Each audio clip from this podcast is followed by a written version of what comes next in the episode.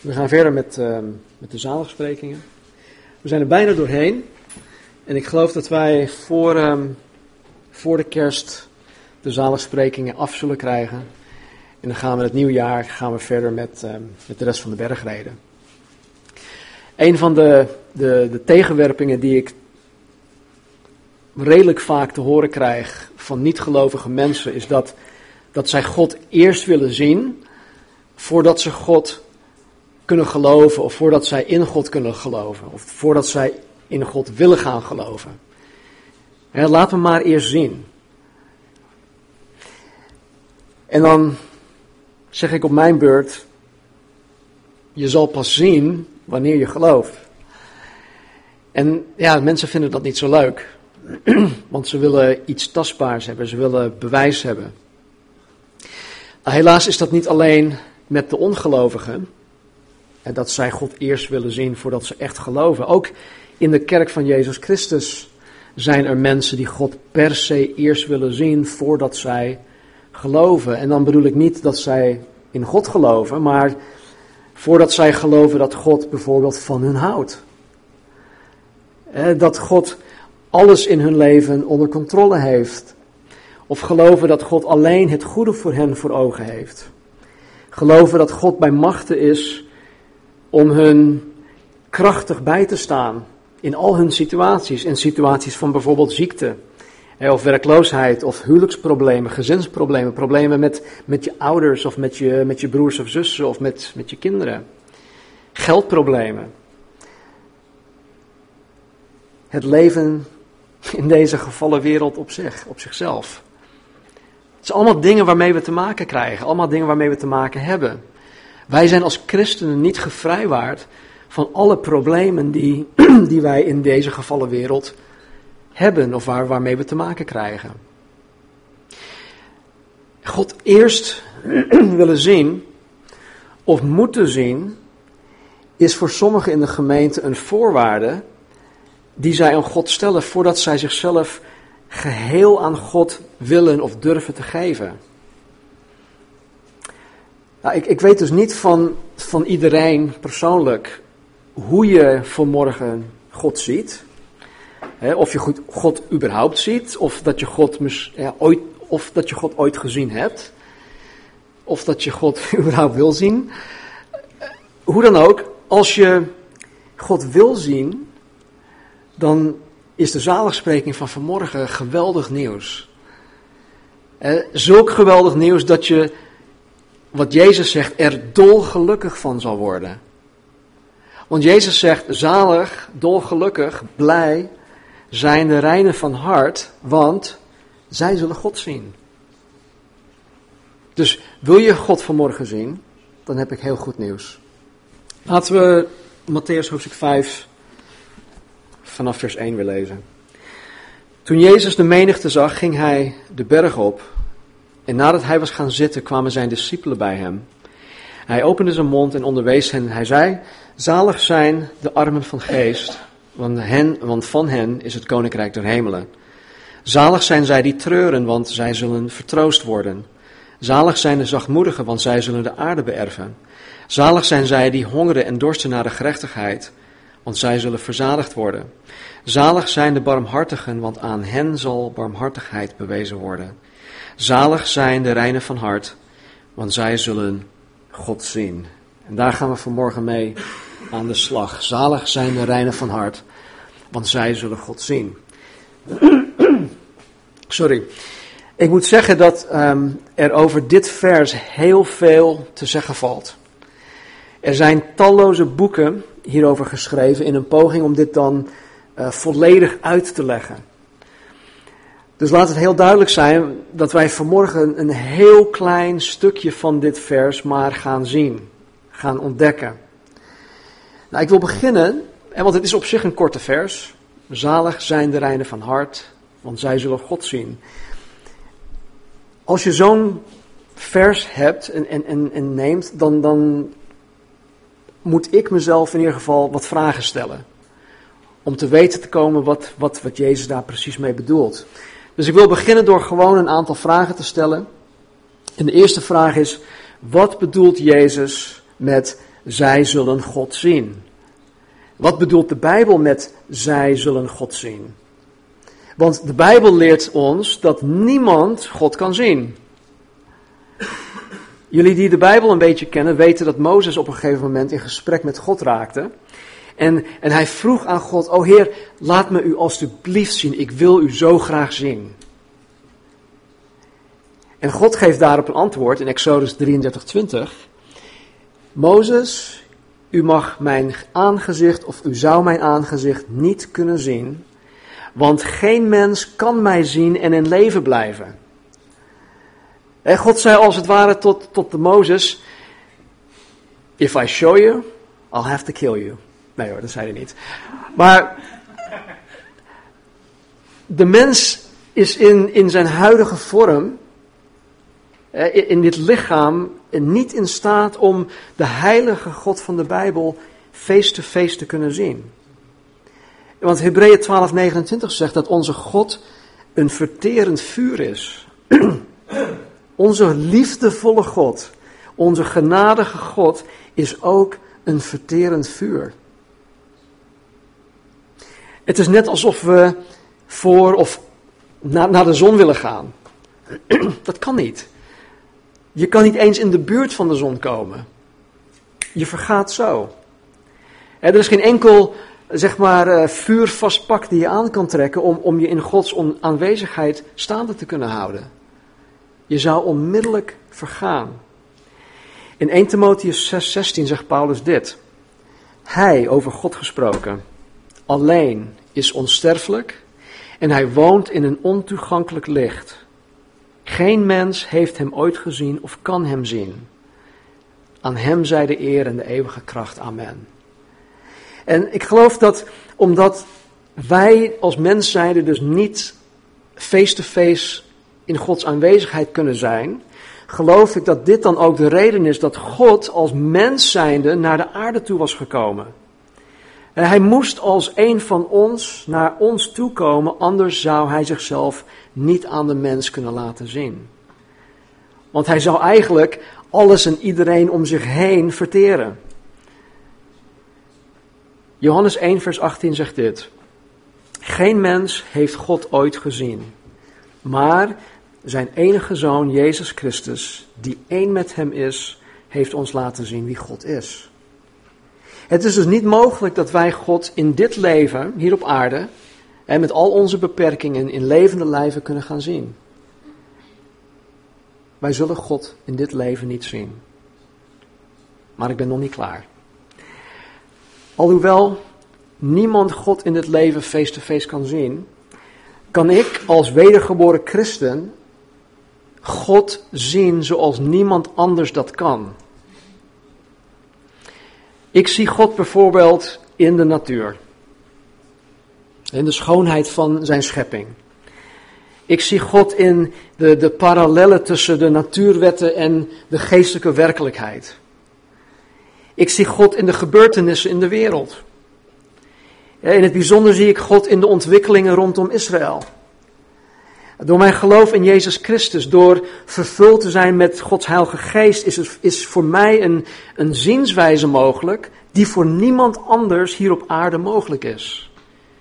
En het maakt niet uit hoe hoog opgeleid ze zijn, of ze een IQ van 180 hebben, het maakt helemaal niet uit. Ik heb door mijn geloof in Christus een zienswijze die voor andere mensen niet mogelijk is. Ik zie God in zijn woord, in, in de Bijbel. Ik zie God in de Bijbel. Ik zie zijn, zijn eigenschappen. Ik zie zijn karakter, ik zie zijn werkwijze, ik zie zijn liefde in het woord voor mij. Ik zie Gods genade, ik zie God in zijn barmhartigheid, in zijn gerechtigheid, in zijn rechtvaardigheid enzovoort enzovoort. Ik zie God in de Bijbel. Niet iedereen die de Bijbel leest, ziet God in de Bijbel. Laat elk willekeurig mens de Bijbel lezen en vraag aan hun of zij God zien. Ze zullen God niet zien. Ik zie God in mijn eigen leven. Ik zie hoe, hoe radicaal God mij al veranderd heeft in de afgelopen twintig jaar. Ik zie God mij steeds meer en meer veranderen naar zijn evenbeeld. Ik zie natuurlijk ook mijn zwakheden en mijn tekortkomingen en al mijn falen en, en dat soort dingen. Maar ik zie zeker dat God mij verandert naar zijn evenbeeld. Ik zie God daarin. Ik zie God mij dagelijks leiden. Ik zie God mij sturen. Ik zie God mij beschermen. Ik zie God mij zegenen. Ik zie God mij voorzien in, mijn, in al mijn noden, in al mijn behoeften. Ik zie God mij zegenen. Ik zie God in mijn vreugde, in het genieten van het leven die Hij mij gegeven heeft. Ik zie God mij ook snoeien en breken. Ik zie God mij zuiveren. Ik zie God mij schaven. Ik zie God mij, mij vormen. Ik zie God in al mijn beproevingen. Ik zie God in al mijn ellende. Ik zie God in al mijn moeilijkheden. Ik zie God in al mijn pijn. En in al deze dingen zie ik God mij krachtig bijstaan. Ik zie God mij troosten, mij omhelzen. Ik zie God mij koesteren in al deze dingen. Ik zie God ook in, en ik, ik roem niet op mezelf hoor, maar ik zie God ook in mijn eigen vastberadenheid om kosten wat kost door te gaan. En dat heb ik niet aan mezelf te danken. Het is God die het willen en het werken in mij doet. En ik zie God in mijn eigen vastberadenheid om door te gaan in de missie. In de bediening, in het stichten van de Calvary Chapel, in het wekelijks bestuderen van Gods Woord, om het weer aan jullie door te kunnen geven. Ik zie God in mijn doorzettingsvermogen wanneer alles tegen lijkt te zitten. In Hebreeën 11:27 wordt geschreven over Mozes, die voor de mens eigenlijk, of voor het menselijk begrip, tot mislukken gedoemd was. Er staat, door zijn geloof, dus door het geloof van Mozes, heeft hij Egypte verlaten. Hij was niet bang voor de woede van de koning. En begrijp heel goed, het was niet niets om Egypte te verlaten. Hij was een ambtenaar, hij was, hij was iemand groots in, in, in, de hof, in het hof van, van, van Farao. Maar hij was niet bang voor de woede van de koning. Het was, en hier heb je het, alsof hij de onzichtbare God zag. En daarom zette hij door. Mozes zag de onzichtbare God in zijn eigen leven werken. En daarom zette hij door. God zien, en dan bedoel ik niet letterlijk face-to-face, maar God zien, God zien werken in je leven, in de mensen om je heen. God zien geeft de mens moed. Als ik God niet zag werken in, in, in mezelf en in jullie, dan was ik al lang terug naar Californië toe gegaan. Geloof me. God zien geeft de mens moed. Ik zie God in zijn gemeente. Ik zie God hier in Cross Culture Calvary Chapel. Ik zie God hele gave dingen doen in levens van, van mensen, van degenen die echt nauw betrokken zijn, die echt, heel, die echt een deel uitmaken van, vooral de, degenen die deel uitmaken van de harde kern. Ik zie, ik zie God in deze mensen gave dingen doen. Om, omdat, omdat we veel contact hebben, we, we zijn nauw betrokken met elkaar. Van de anderen waar, waar, waar, waar, waarvan ik minder bij betrokken ben, zie ik nog steeds dat God met jullie bezig is. Zie ik nog steeds dat God in jullie leven aan het werk is. Alleen zie ik het minder omdat ik toch ja, iets, iets verder. Um, op, de afstand is iets groter. Ik zie God in deze mensen omdat zij God leren kennen zoals Hij is. En ik zie God in hun omdat zij zelf ook God zien. Zij zien, zij zien God ook zelf. En ik zie God in deze mensen omdat ik, ik, ik heb hun met mijn eigen ogen ook zien veranderen. Ik zie God in hun geestelijke groei. Ik zie God in hun betrokkenheid in de gemeente. Ik zie God in hun, in hun dienstbaarheid. Ik zie God in hun vrijgevigheid, in hun trouw. Ik zie, ik zie dat ze er zijn, je kan altijd op hen rekenen en ik zie God daarin. tegelijkertijd zie ik God ook in hun moeite, in hun strijd. Ik zie God ook in hun ziekte. En ik zie God in hoe Hij zichzelf aan deze mensen openbaart en, en ook echt krachtig bijstaat in en door alle moeilijkheden heen.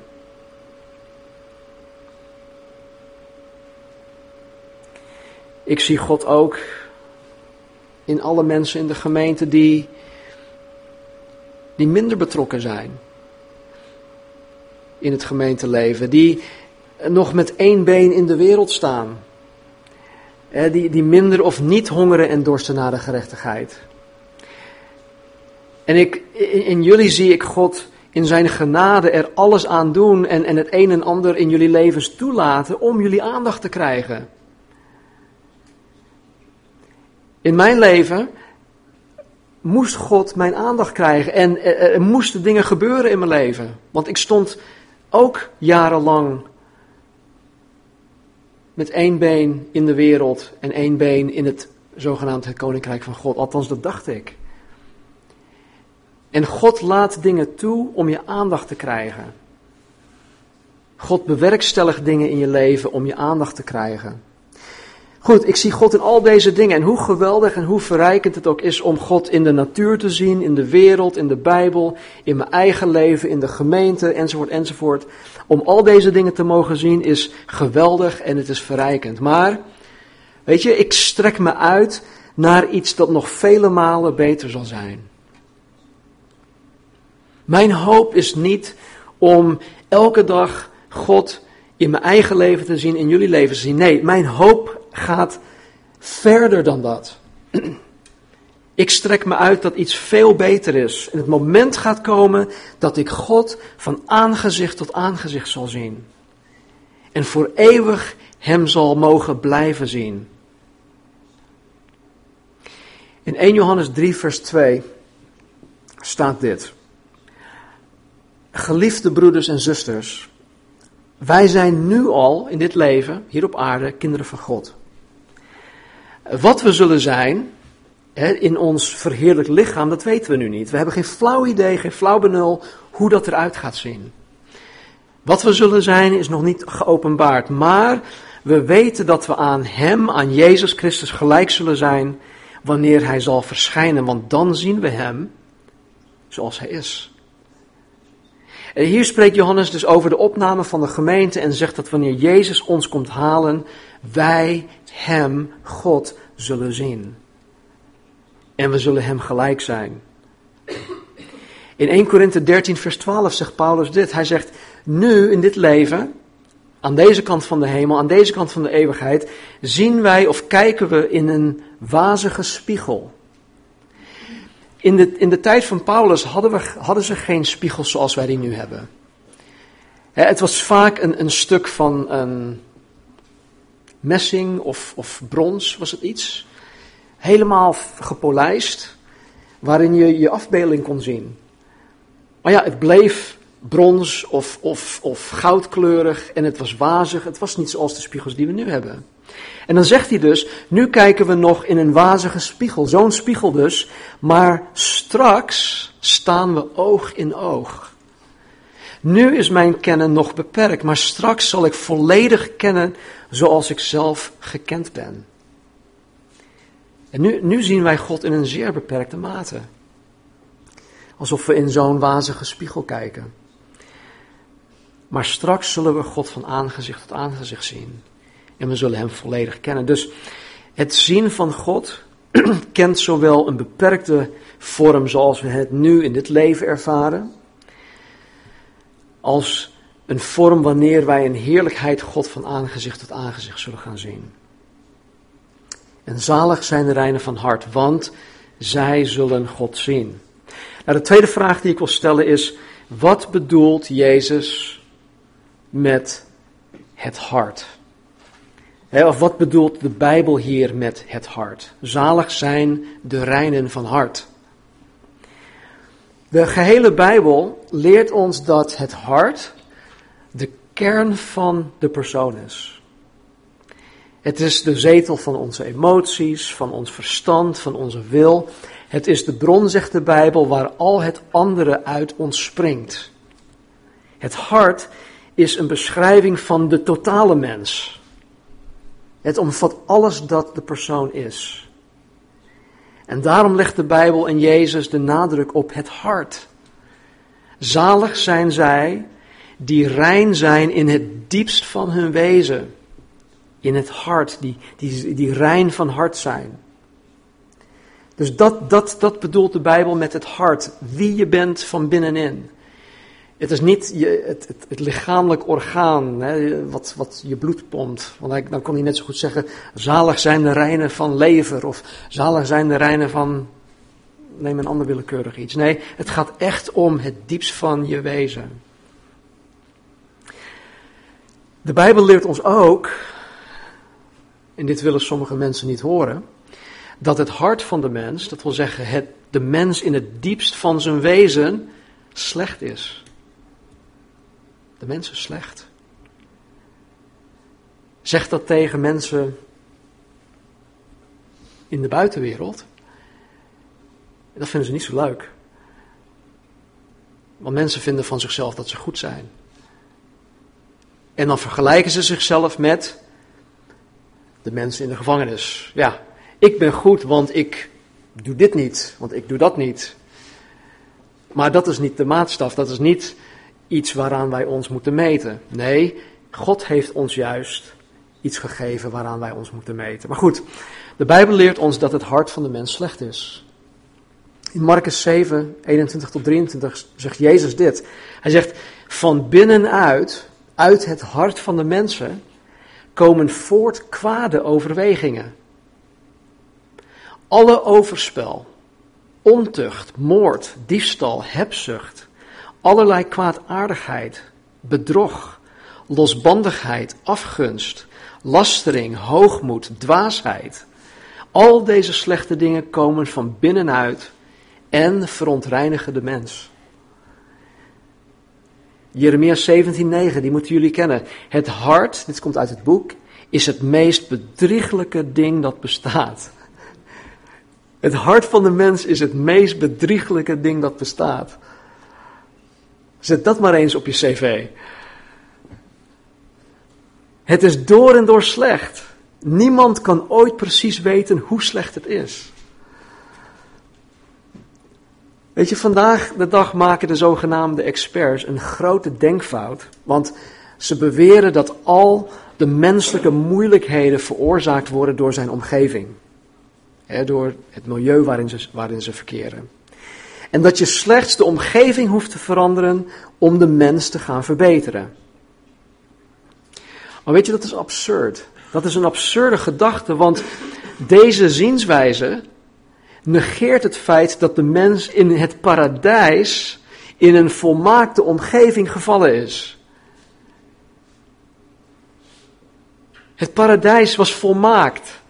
En toch is de mens in die omstandigheden, in die omgeving gevallen. De mens ging de fout in.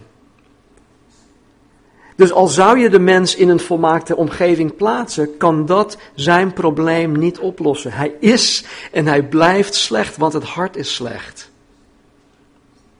Ook denken de experts dat je de mens kan verbeteren door, door middel van bijvoorbeeld uh, duidelijke voorlichting, door hun beter op te voeden, door hun te onderwijzen, door mensen te instrueren, enzovoort, enzovoort.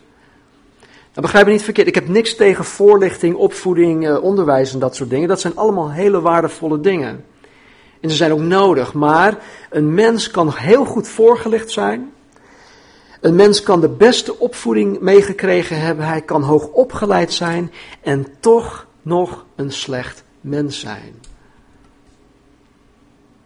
Dus ook deze dingen verbeteren de mens niet. De mens is en blijft slecht, want het hart is slecht. En, en toch zegt Jezus hier, zalig zijn de reinen van hart, want zij zullen God zien.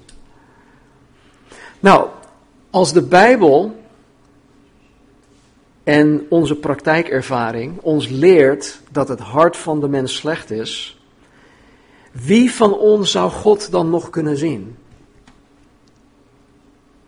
Want Jezus zegt dat het alleen de reinen van hart zijn die God zullen zien. Volgens de eisen van Jezus wordt een ieder van ons dus uitgesloten. Of bedoelt Jezus hier iets anders mee? En dat is mijn derde vraag. De derde en de laatste vraag die ik wil stellen is: wat bedoelt Jezus dan met rein? Het woord rein betekent simpelweg rein. Het betekent schoon, het betekent zuiver, onbevlekt. Het betekent smetteloos, onvermengd, onverdeeld. Het betekent onbevlekt door zonde in het bijzonder. Het betekent onschuldig. Dit is het tegenovergestelde van wat de Bijbel ons leert over ons hart. Dus hoe komen wij dan aan een rein hart? Weet je, de, de, de wettische christen die, die, die, gaat, die, die vindt het zo leuk, hè? die vindt het zo mooi. Want die wordt dan gezegend door God, wat uiteindelijk alleen maar door genade is. Maar die denkt dan van ja, nou, ik ben rein van hart, want ik zie God dingen doen. En die, die, die, die denkt dan dat hij dus dit verdiend hebt door zichzelf te reinigen enzovoort enzovoort. En legt dezelfde maatstaf dan ook op anderen om te zeggen van ja, maar de reden waarom jij God niet ziet is omdat jij dit niet doet en jij, maar ik doe het wel. Maar ik geloof niet dat dat, dat, dat, ik denk dat het wel, het heilige en reinigen in de praktijk, dat is zeker een onderdeel hiervan, maar dat is niet wat, wat ons uiteindelijk God zal, doen, zal laten zien. Want ten eerste kunnen wij er zelf niets aan veranderen. Ik kan mijn hart niet veranderen. Het is alleen mogelijk om een rein hart te krijgen door middel van het evangelie. Het evangelie biedt ons een rein hart aan. Het, evangelie biedt ons een nieuw hart aan. En door in Jezus Christus te geloven en in hem, en hem na te volgen, door Hem te omhelzen, krijg ik een rein hart, een nieuw hart. Het evangelie is een kwestie van het hart van de mens. In Romeinen 10, vers 9 en 10 zegt Paulus: Als uw mond beleidt dat Jezus de Heer is, en uw hart gelooft dat God hem uit de dood heeft opgewekt, zult u worden gered. Als uw hart gelooft, zult u rechtvaardig worden verklaard. Als uw mond beleidt, zult u worden gered. Dus het is niet alleen de dingen die we zeggen, die we beleiden. Het is ons hart die gelooft. En dat komt tot uiting in wat wij zeggen. En in wat we doen, in wie we zijn. Het geloven doen we met ons hart, vanuit het diepst van ons wezen. God belooft zelfs dat wanneer wij geloven, dat Hij ons een nieuw hart zal geven. En dat wil zeggen dat Hij ons een rein hart zal geven. In Ezekiel 36 staat een heel mooi, mooi stuk. In vers 26 staat dit. Hij spreekt hier wel direct tot Israël, maar het heeft een bredere toepassing ook op ons. Ik zal u, zegt God, ik zal u een nieuw hart geven en een nieuwe geest in uw binnenste geven. Ik zal het hart van steen uit uw lichaam wegnemen en u een hart van vlees geven. In het vers daarvoor zegt hij dit. Hij zegt, ik zal rein water op u sprenkelen en u zult rein worden. Van al uw onreinheden en van al uw stinkgoden, dat is wel een mooi woord. Van al uw stinkgoden zal ik u reinigen. Drek, ja. Wij hebben stinkgoden, mensen. en dan in vers 27 zegt hij dit.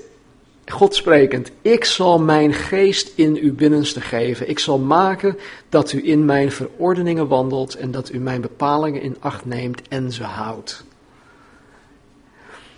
Het evangelie het tot geloof komen in Jezus, het verkrijgen van een nieuw en rein hart, is een initiatief van God.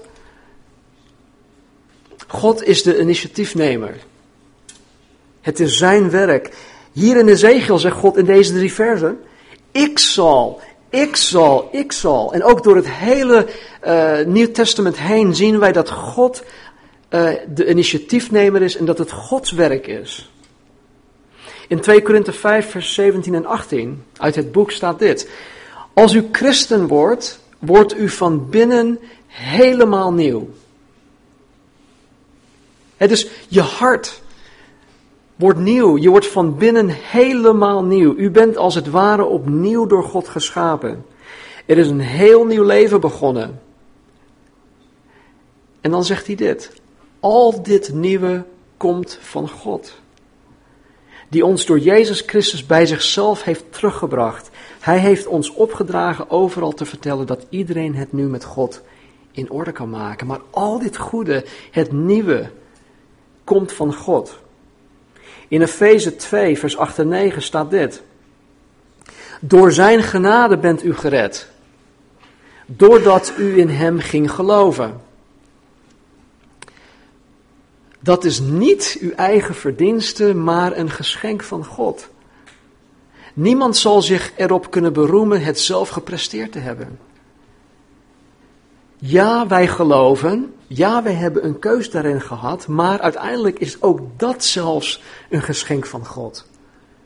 Ook dat is het initiatief van God. Nou, tot slot wil ik gewoon een paar dingen zeggen over reinheid.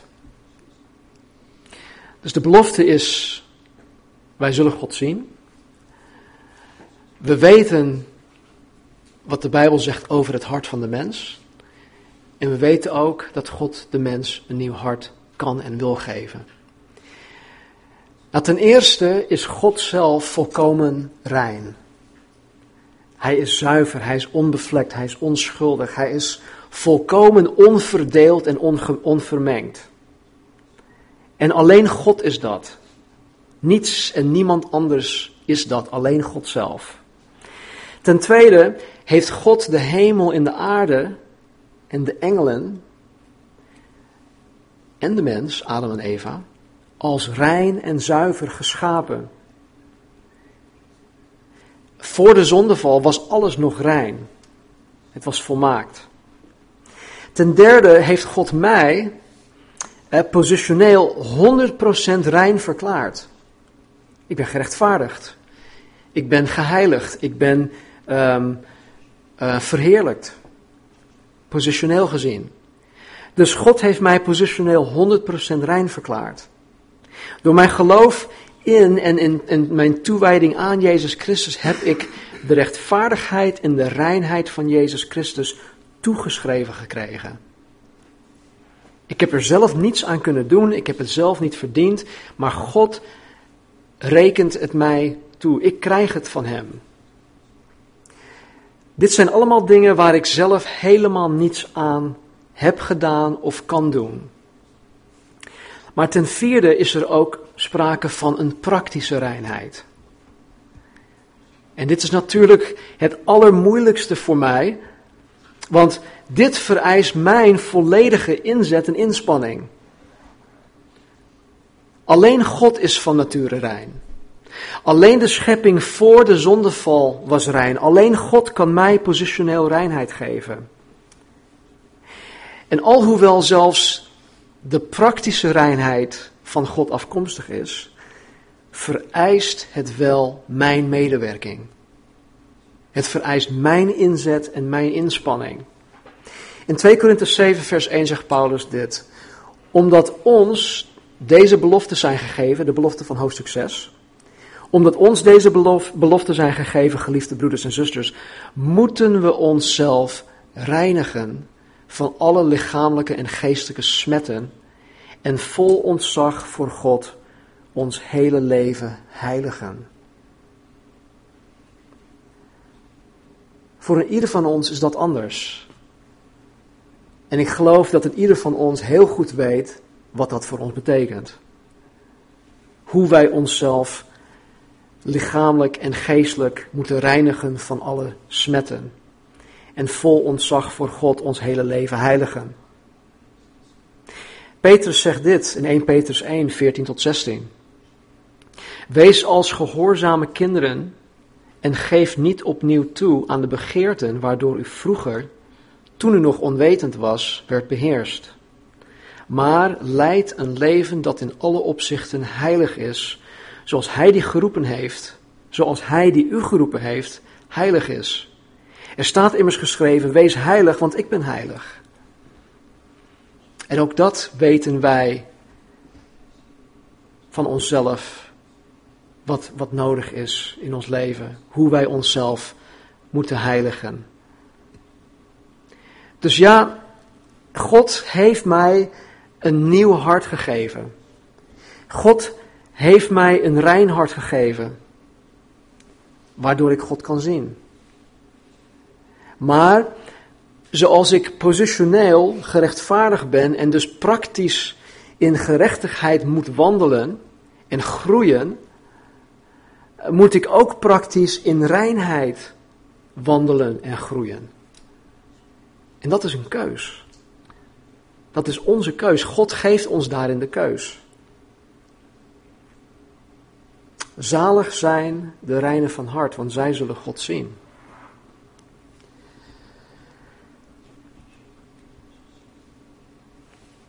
Nogmaals, ik weet niet in hoeverre jullie God zien. Maar ik weet wel dat de mate waarin wij God zien, onlosmakelijk aan elkaar verbonden is met de mate waarin wij rein zijn of in reinheid wandelen en groeien. Ja, positioneel hebben wij van God een nieuw hart, een rein hart gekregen. Maar hoe ziet dat er in de praktijk uit?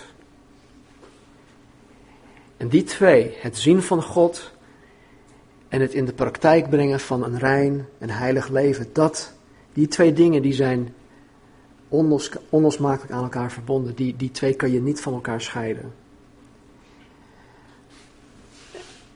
En wie van jullie heeft vanmorgen niet de zekerheid dat je überhaupt een nieuw hart, een rein hart van God hebt gekregen? Als je die zekerheid niet hebt, dan is het voor jou zaak om dit met God te regelen. Door jezelf, door je hele wezen, je totale mens, je hart aan Hem te geven. Want als je dit niet doet, dan geldt deze zaligspreking niet voor jou. En eh, trouwens alle andere zaligsprekingen ook niet. Dan zal je God nooit te zien krijgen. behalve wanneer het vonnis over je uitgesproken wordt. En wie van ons hebben een nieuw hart gekregen, een rein hart, door in Jezus Christus te geloven. Maar zoals je het met sommige Sinterklaas cadeaus doet, je krijgt een Sinterklaas cadeau, mooi, je zet het in de vitrine, je doet er verder niks mee. En misschien heb je van God een nieuw hart gekregen, misschien heb je je hart ook ergens op een plank of in de vitrine neergezet en je doet er verder niks mee. Misschien ben je ooit tot geloof gekomen, maar er is weinig of, weinig of geen bewijs van enige inspanning of inzet om daadwerkelijk in reinheid te wandelen en groeien. Nogmaals, ik denk dat, dat dat de reden kan zijn waarom je God in je leven niet ziet of in andere levens om je heen. Want dit is de belofte van Jezus. Zalig zijn de reinen van hart. Dolgelukkig, blij zijn de reinen van hart. Want ze zullen God zien. Ze zullen God zien. In alles en door alles heen. Nu en straks. Oog tot oog. Van aangezicht tot aangezicht. Laten we bidden. Vader, ik dank u dat wij uw woord hebben gekregen, Heer. Het is zo krachtig. Dank u, Jezus, voor uw woorden die u aan de discipelen hebt gegeven op die berg. Dank u wel dat Matthäus deze woorden hebt vastgelegd. Dank u wel dat uw Heilige Geest ons laat zien, laat inzien dat deze woorden zo actueel zijn voor ons en zo relevant. En dat Heren, deze woorden, dat, dat dit waarheid is. Dank u wel voor uw Heilige Geest die ons verstand verlicht om deze woorden te kunnen begrijpen. Heren, dank u wel dat u ons een nieuw hart, een rein hart hebt gegeven. Heren, dat u dat überhaupt wilde doen, heren, dat is zo, zo'n groot wonder. Dank u wel, Heer. Ik ken mijn eigen hart, vader. En Heer, ik weet als geen ander dat mijn hart door en door slecht is. En daarom, Vader, ben ik u zo dankbaar dat u mij een nieuw hart hebt gegeven. U, Heer, u bent de initiatiefnemer. U zei niet alleen ik zal, ik zal, ik zal, maar Heer, u hebt het gedaan. U hebt het reeds gedaan. U hebt in mij een nieuw hart geplaatst. Mijn hart van steen hebt u weggenomen. U heeft mij een hart van vlees gegeven, Heer. Een hart die kneedbaar is voor u. Heer, dank u wel dat wij dit als een gratis geschenk hebben mogen krijgen, Heer. Het is een harttransplantatie. De beste, Heer, die we ooit aangebo aangeboden zullen krijgen. De beste die ik ooit heb mogen ontvangen. En Heer, ik weet dat wanneer mensen hier, in, hier op aarde, Vader, van een orgaandonor een nieuw hart krijgen of hun hart krijgen, Heer, dan, dan is er een mate van dankbaarheid aan die andere persoon die hun leven heeft gegeven om het hart beschikbaar te stellen. En dat ze dan ook altijd in het krijt staan bij die persoon. En Heer, ik ben zo dankbaar dat U dat voor mij hebt gedaan, voor ons. En Heer, ik sta in het krijt bij U. Heer, ik heb mijn leven aan U te danken. Mijn leven behoort U toe. Heer, het is niet meer ik, Stan Marinissen, die leeft. Want ik ben gekruisigd. Het is nu Christus die in mij leeft. Die voor mij gekruisigd is, die mij lief heeft gehad. En Heer, dit geldt voor een ieder van ons. Vergeef ons, Vader, alstublieft, waar wij, Heer, misschien uit onwetendheid of misschien zelfs bewust, Heer, niet in reinheid hebben willen wandelen of groeien. Heer, vergeef ons. Laat ons vanmorgen beginnen met een, nieuwe, met een schone lei.